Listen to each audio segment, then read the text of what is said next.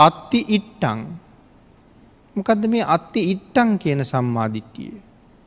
මහා පූජාවේ විපාක ඇත කියල පිළිගන්න එක තමයි අත්ති ඉට්ටං කියල කියන්නේ. මොනවද මේ මහා පූජාවල් කියල කියන්නේ.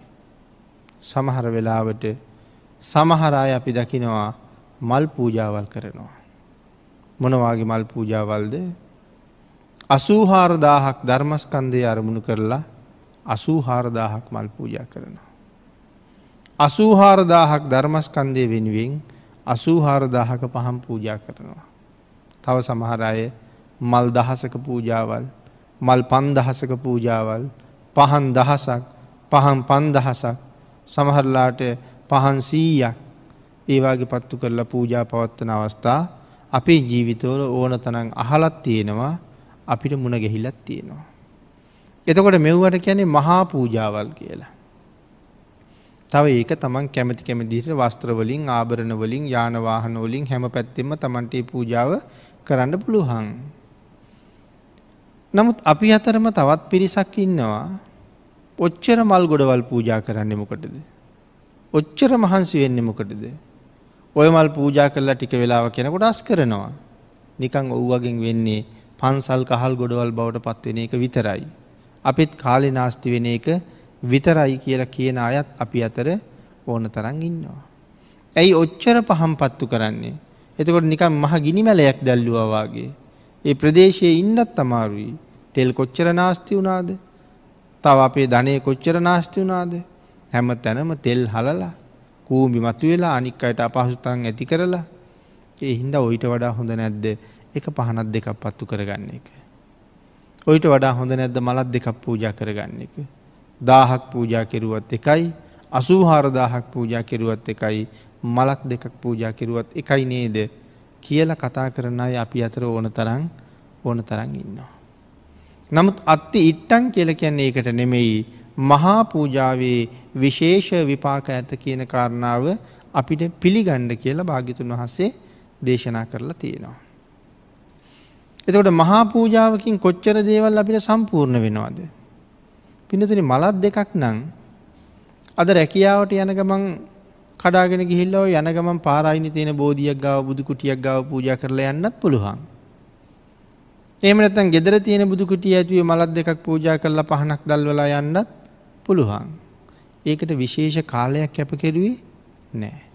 ඒකට විශේෂ වියදමක් කළෙත් නෑ. නමුත් මහා පූජාවක් එහෙම කරන්න පුළුවන්ද. හිතන්නක මල්දාහක් පූජා කරන්න කල්පනා කළා. ඒ මල්දාහ හොයන්ට පහසුද එහෙමනං ඔබ රැකියාවක් කරන කෙනෙක් නං. හෙට ඔබේ පූජාව නං ඔබ අද රැකියාවෙන් නිමාඩු ගණ්ඩම වෙනවා. එනම් රැකියාව අදට අත්හරින්ඩ වෙනවා. පූජාව කරගන්නතුට අදටයි හෙටටයි දෙකටම රැකියාව අත්හරින්ඩ වෙනවා. අද නිමාඩු යොදාගෙන අද මල් හොයන්ඩ යනවා.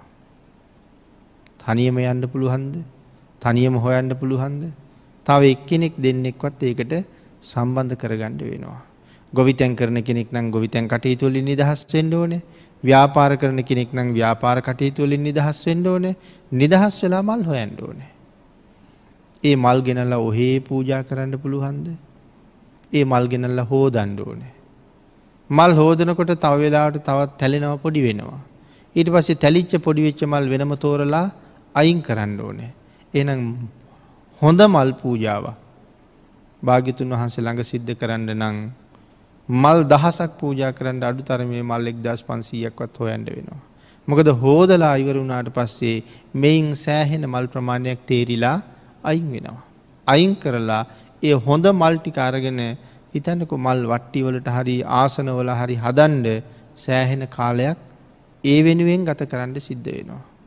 සමහර වෙලාවට මේ ටික කරගෙන මල්ටික හොයාගෙනෙනකොට අද දවල් ආහාර වේලත් අත්හරින්ට වුණා වෙන්ඩ වෙන්ඩ පුළුවන්.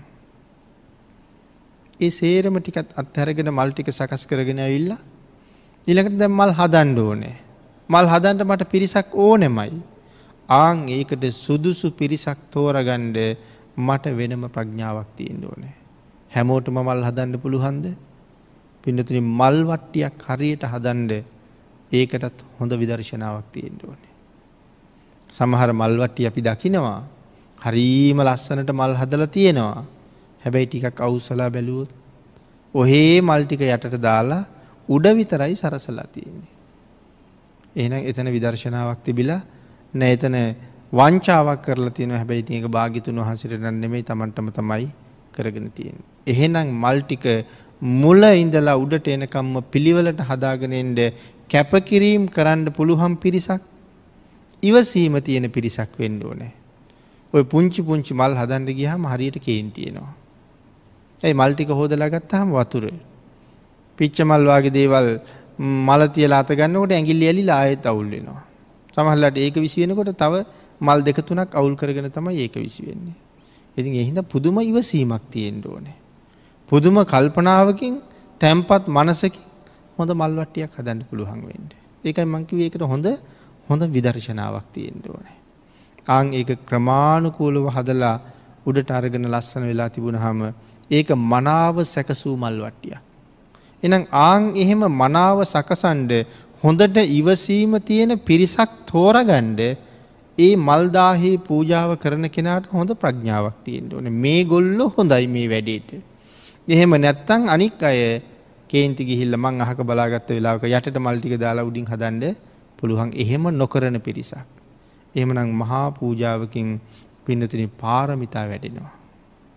දැම් මේ මල්ටික හදන්ඩ පුළුවන් හොඳ ඉවසීම තියෙන තැම්පත් පිරිසක් තෝරගණ්ඩ මේ පිරිස හොඳයි කියලා හොයාගණ්ඩ මට ප්‍රඥාවක් තියෙන්න්න ඕනෙන මේ ගොල්ලො තමයි මේකට ගැලපෙන අය. දැන් එහෙම අරගෙන ආපු අය අතරත් සමහර අය මං කැමති විදිහට නෙමෙයි වැඩේ කරන්නේ. එතකොට මට කේන්ති යනවා. පින්කං කරනවා වනාට පින්ක මාතරේ මට කේන්ති ගියොත් එතනත් පින්ද නෑ එතන තියෙන්නේ ආපහු පව්.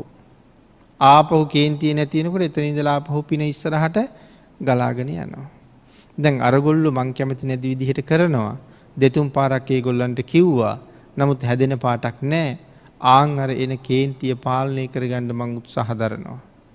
ඒ කේන්තිය පාලනය වෙනවා කියල කියන්නේ ඔවුන් පිළිබඳව මෛත්‍රී සිත් උපදිනවා. ආං එතන මෛත්‍රී පාරමිතාව වැඩෙනවා.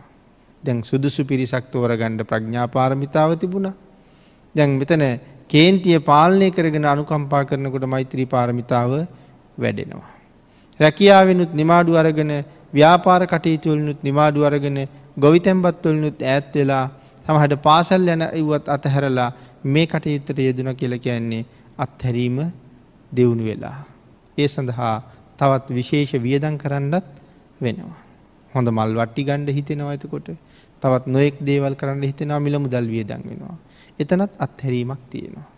දැන් මේ දේවල් සුළු පූජාව තියෙනවද ආං එහෙනම් මහා පූජාවක් කියල කියන්නේ කෙලෙස් නැති කරන්න කෙලෙස් තුනී කරන්න අත්හැරීම ප්‍රගුණ කරවන ශ්‍රේෂ්ඨ පූජාවක්. නමුත් සුළු පූජාවක් කියල කියන්නේ මහා පූජාවකට සූදානන් වීමක් විතරයි. එනම් අත්ති ඉට්ටන් කියල කියන්නේ මහා පූජාවේ විශේෂ විපාක ඇත්ත කියල පිළිගන්න එකයි.